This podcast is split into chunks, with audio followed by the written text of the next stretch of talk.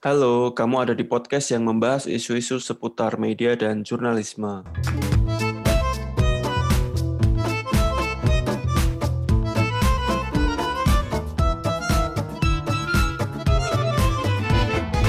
Masih melanjutkan uh, tema di episode sebelumnya yang membahas tentang uh, platform media sosial dan kebebasan berekspresi.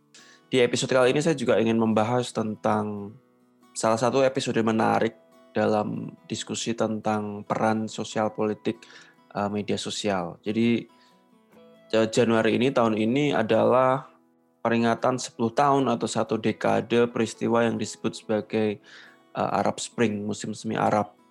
Uh, jatuhnya berbagai diktator di negara-negara Timur Tengah. Nah, dalam peristiwa tersebut, uh, hal yang menarik adalah penggunaan media sosial sebagai uh, medium utama yang memfasilitasi uh, revolusi atau peristiwa tersebut terjadi. Dan karena besarnya peran media sosial, peristiwa tersebut sering dikutip sebagai uh, revolusi media sosial pertama di dunia. Oh ya, buat yang tidak familiar dengan uh, Arab Spring, ini adalah gelombang protes di negara-negara Timur Tengah seperti Tunisia, Mesir, Libya dan sebagainya. Nah, di Tunisia protes uh, dimulai oleh aksi bakar diri seorang seorang pedagang gitu ya Muhammad Bouazizi yang memprotes perlakuan diskriminatif terhadap dirinya dan menunjukkan betapa korupnya rezim yang berkuasa di Tunisia saat itu.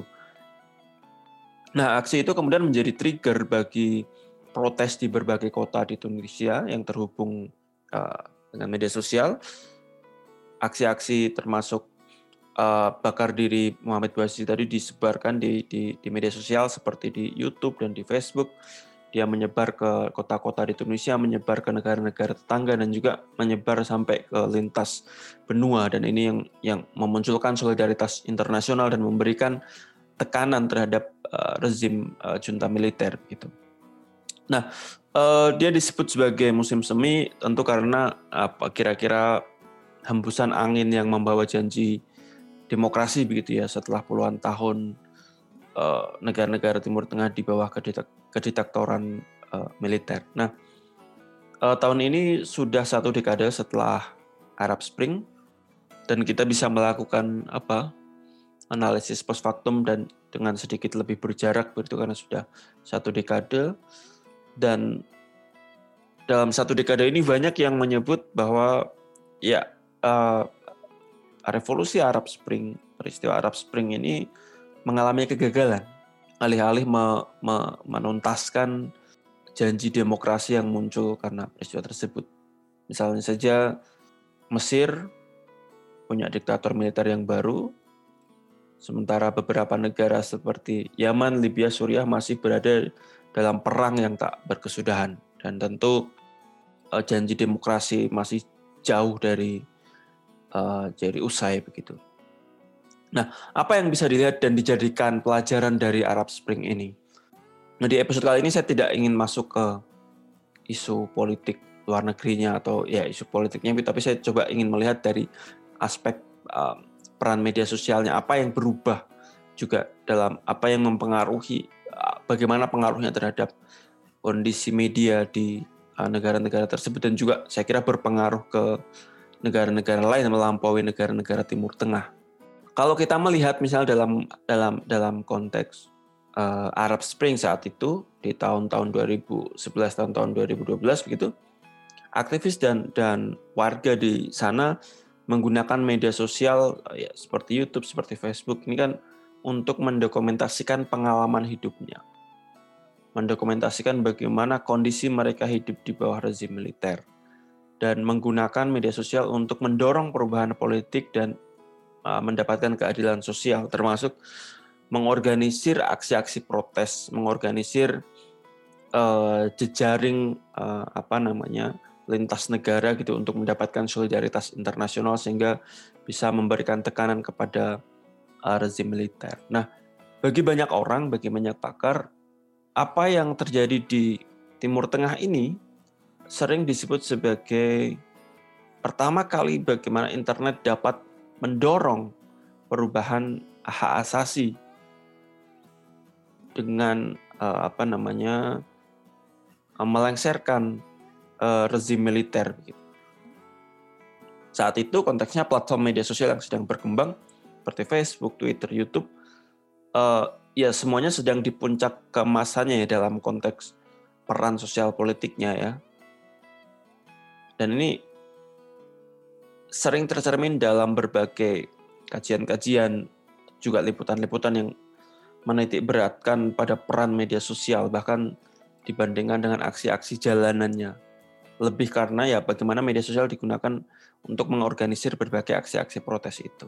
Nah, apakah kemudian setelah 10 tahun berbagai media sosial ini eh, perannya sama begitu atau kondisinya sama atau seperti apa? Nah, sayangnya enggak.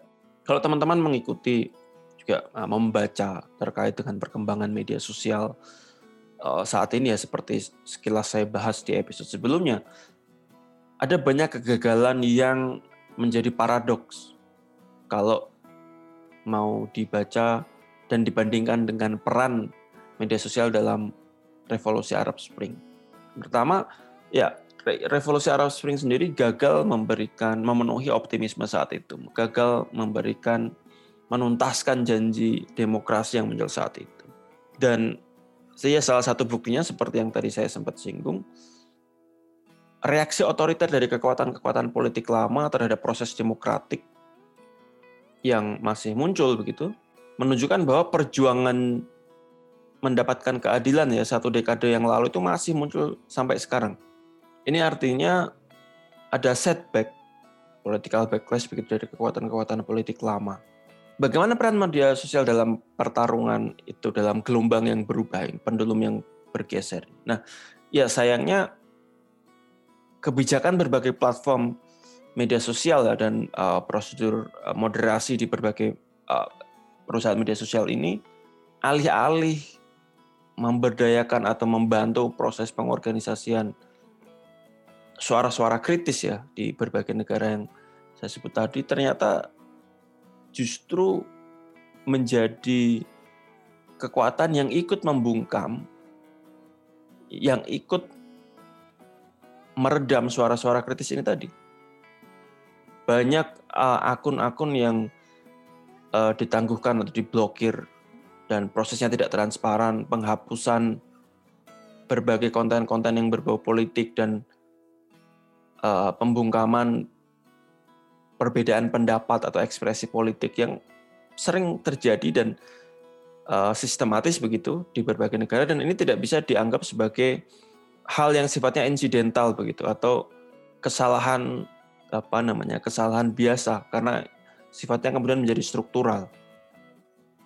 Misalnya seperti di episode sebelumnya ketika saya membahas tentang Donald Trump, dia adalah sosok yang yang kuat, powerful, berkuasa bahkan uh, setelah tidak menjadi presiden dan ketika dia di ban, ketika akun media sosialnya di Twitter, di Facebook, di Instagram, di YouTube di ban, dia punya kuasa, dia punya saluran atau platform alternatif memastikan suaranya tetap terdengar betapapun kontroversialnya ya.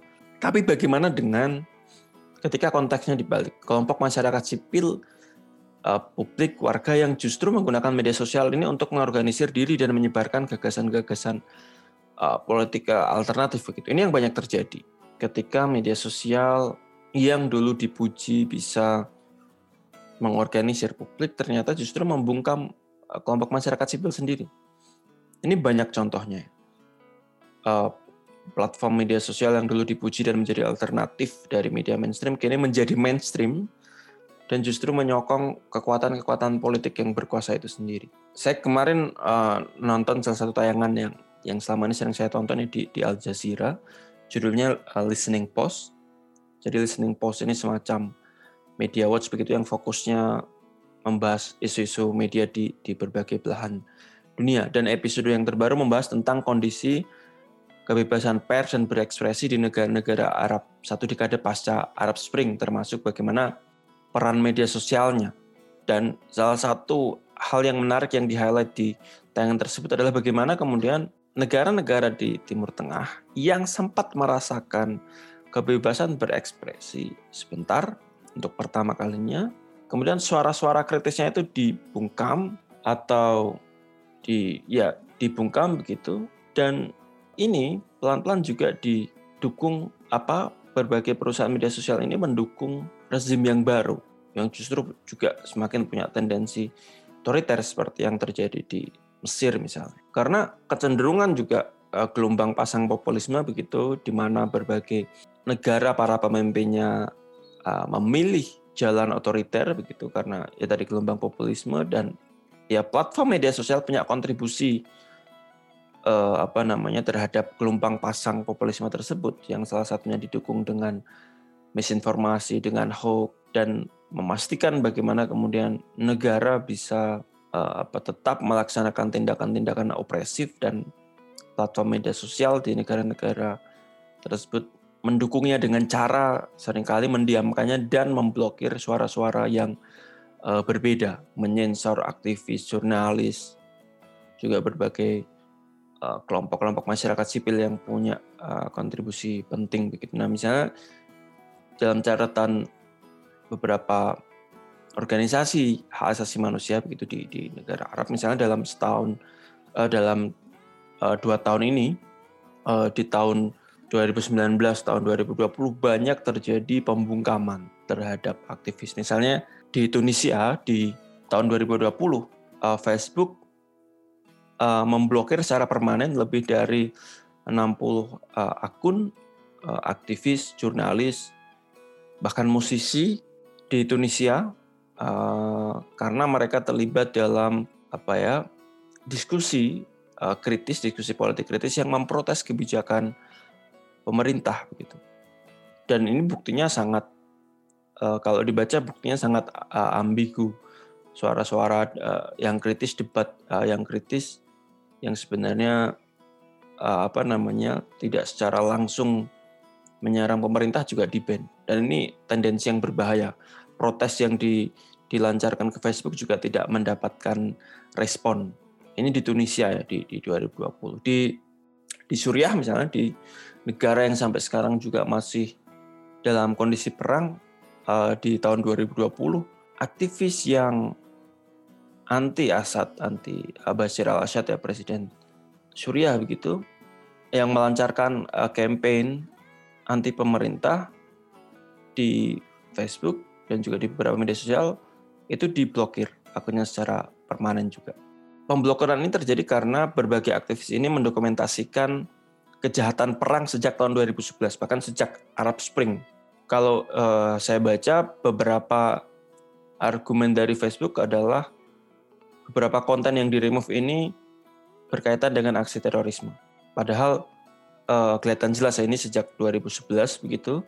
Uh, ada beberapa akun yang menarik saya kira saya sempat melihat juga di YouTube yang coba mendokumentasikan peristiwa kekejaman tentu dalam konteks perang rezim pemerintah Suriah. Dan ini yang yang menarik kemudian ketika kemudian platform media sosial ikut ambil peran, ikut ambil posisi dalam konteks itu kemudian kan menjadi menjadi uh, berbahaya karena tentu situasinya adalah platform media sosial ini kemudian mendukung kebijakan dari pemerintah atau rezim yang berkuasa karena kemudian ancamannya bisa saja akan di-ban atau diblokir seperti yang terjadi di uh, Cina saya kira ya. Nah kemudian di Palestina juga berbagai aktivis dan juga jurnalis sejak 2016 ini sudah bikin campaign gitu terhadap uh, praktek-praktek sensor yang dilakukan oleh perusahaan media sosial. Misalnya di tahun 2020 juga setidaknya 52 akun media sosial uh, aktivis dan juga jurnalis di Palestina itu di-ban dan uh, dibatasi aktivitasnya. Termasuk juga uh, media-media uh, yang terverifikasi sebenarnya akunnya. Karena disebut sebagai apa punya jejaring dengan kelompok teroris begitu. Dan protes terhadap kebijakan media sosial ini sering kali tidak ditanggapi tidak di uh, respon. Ini memicu protes dari para pengguna media sosial di Palestina ya yang yang menggunakan media sosial juga sebagai ruang untuk mengekspresikan uh, apa protes-protesnya dan concern uh, politiknya begitu. Juga di Mesir di 2019-2020 Twitter memban ratusan uh, akun dari orang-orang Mesir yang tinggal di luar negeri uh, diaspora begitu yang mencoba mengekspresikan kondisi di Mesir dan menyampaikan di kalangan internasional begitu setelah ada aksi protes terhadap pemerintah Jenderal uh, Al-Sisi. Juga tidak hanya di Twitter atau Facebook, juga di YouTube ya. Padahal lagi-lagi ya tadi seperti yang saya bilang, mereka mendokumentasikan kondisi atau apa yang mereka alami di bawah pemerintahan yang baru, di bawah rezim yang baru. Tetapi kemudian karena tekanan juga salah satunya dari tekanan Eh, pemerintah di sana, kemudian para perusahaan media sosial ini memblokir akun-akun yang punya suara kritis. Saya kira ini uh, beberapa peristiwa ini tidak hanya terjadi di negara-negara Arab ya. Kalau tadi kita kalau saya menyebut misalnya apa yang bisa kita ambil sebagai pelajaran di sini gitu. Tapi juga terjadi di negara-negara lain saya kira di Asia termasuk juga di uh, Indonesia begitu karena uh, banyak kejadian di mana pemerintah di negara-negara yang tadi saya sebut kamu apa merequest kayak gitu untuk uh, memban baik berdasarkan mentarget kelompok tertentu atau misalnya kata-kata kunci tertentu agar tidak bisa didiskusikan di media sosial begitu ya.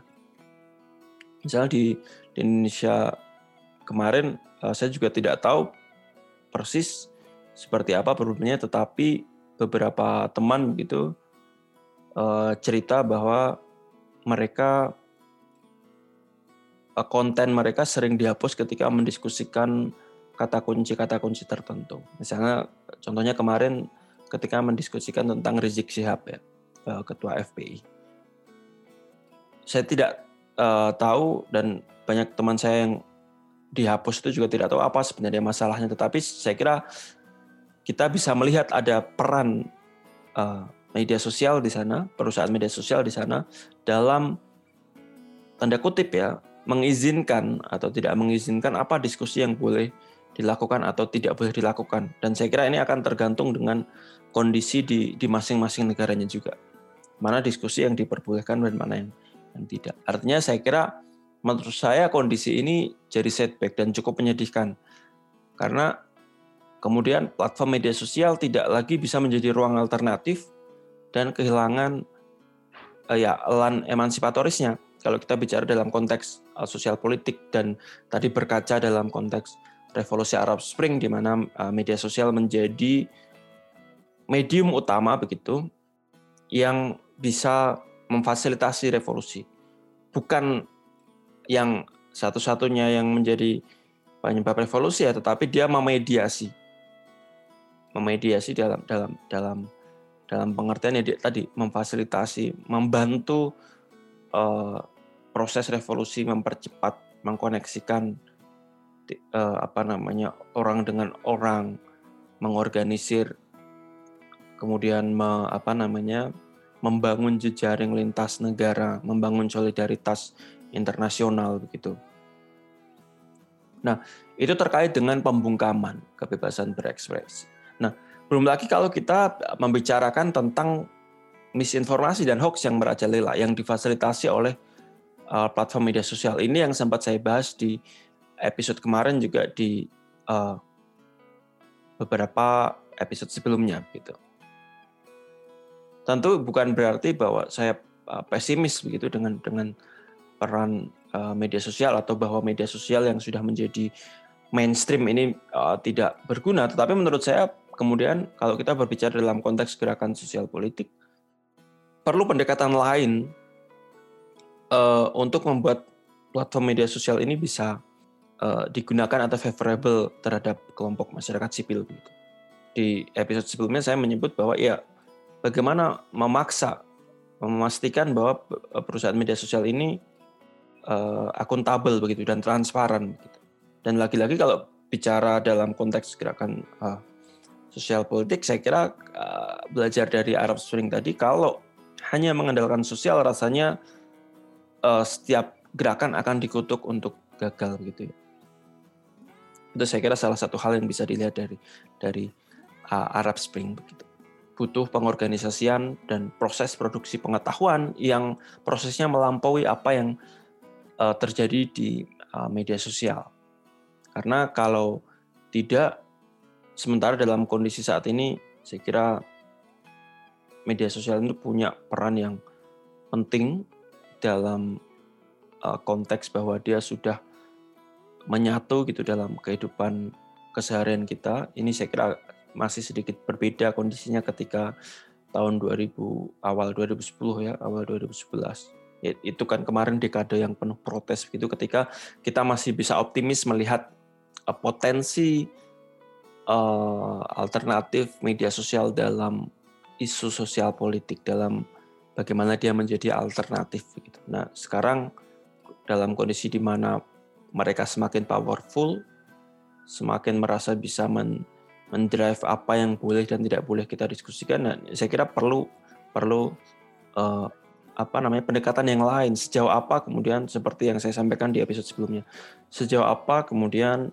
uh, perusahaan media sosial bisa memblokir uh, apa namanya suara-suara yang berbeda begitu. Sejauh apa kemudian ya misalnya contohnya apakah memblokir akun Donald Trump itu sama dengan memblokir suara-suara dari kelompok masyarakat sipil yang menggunakan media sosial untuk uh, uh, konsolidasi demokratik gitu atau seperti apa. Ini diskusi yang saya kira penting untuk dilakukan ya, tentu dengan mengakui bahwa peran media sosial semakin kuat, semakin uh, powerful begitu, tapi di sisi lain dia bisa digunakan untuk membungkam suara-suara yang kritis. Nah, itu saya kira beberapa catatan beberapa apa mungkin saya menyebutnya sebagai pemantik begitu kalau teman-teman tertarik untuk mendiskusikannya lebih jauh begitu ya. Uh, bagi bahan tulisan juga penting saya kira sebagai bahan uh, riset untuk melihat sejauh apa kondisi dan peran media sosial uh, saat ini.